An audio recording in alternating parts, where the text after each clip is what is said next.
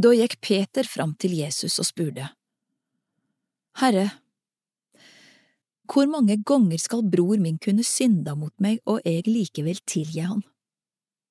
Så mye som sju ganger? Jesus svarer, Ikke sju ganger, sier jeg deg, men sytti ganger sju. Derfor kan himmelriket liknast med en konge som ville gjøre opp rekneskapen med tjenerne sine.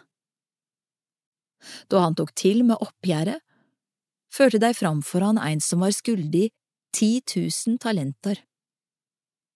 Han hadde ikke noe å betale med, og Herren bau at han skulle seljast, både han og kona hans og borna og alt han eide, så gjelda kunne betalast.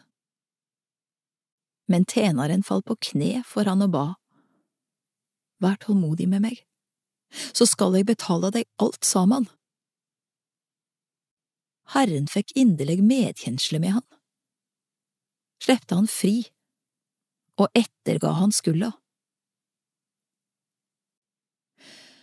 Da tjeneren kom ut, møtte han en medtjener som skulle han hundre denarer. Han greip medtjeneren, tok strupetak på han og sa, Betal det du skulder.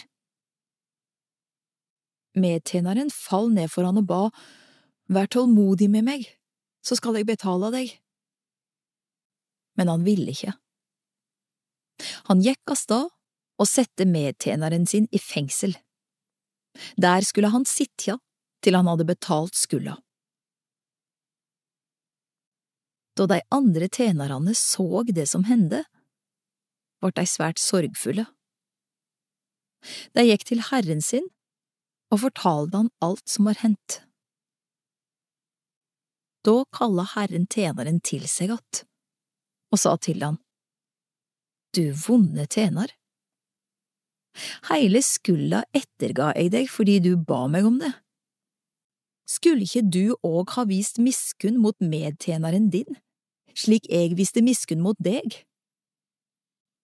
Og Herren vart sint og overga tjeneren til fangevaktarar, som skulle mishandle han til han hadde betalt heile skulda.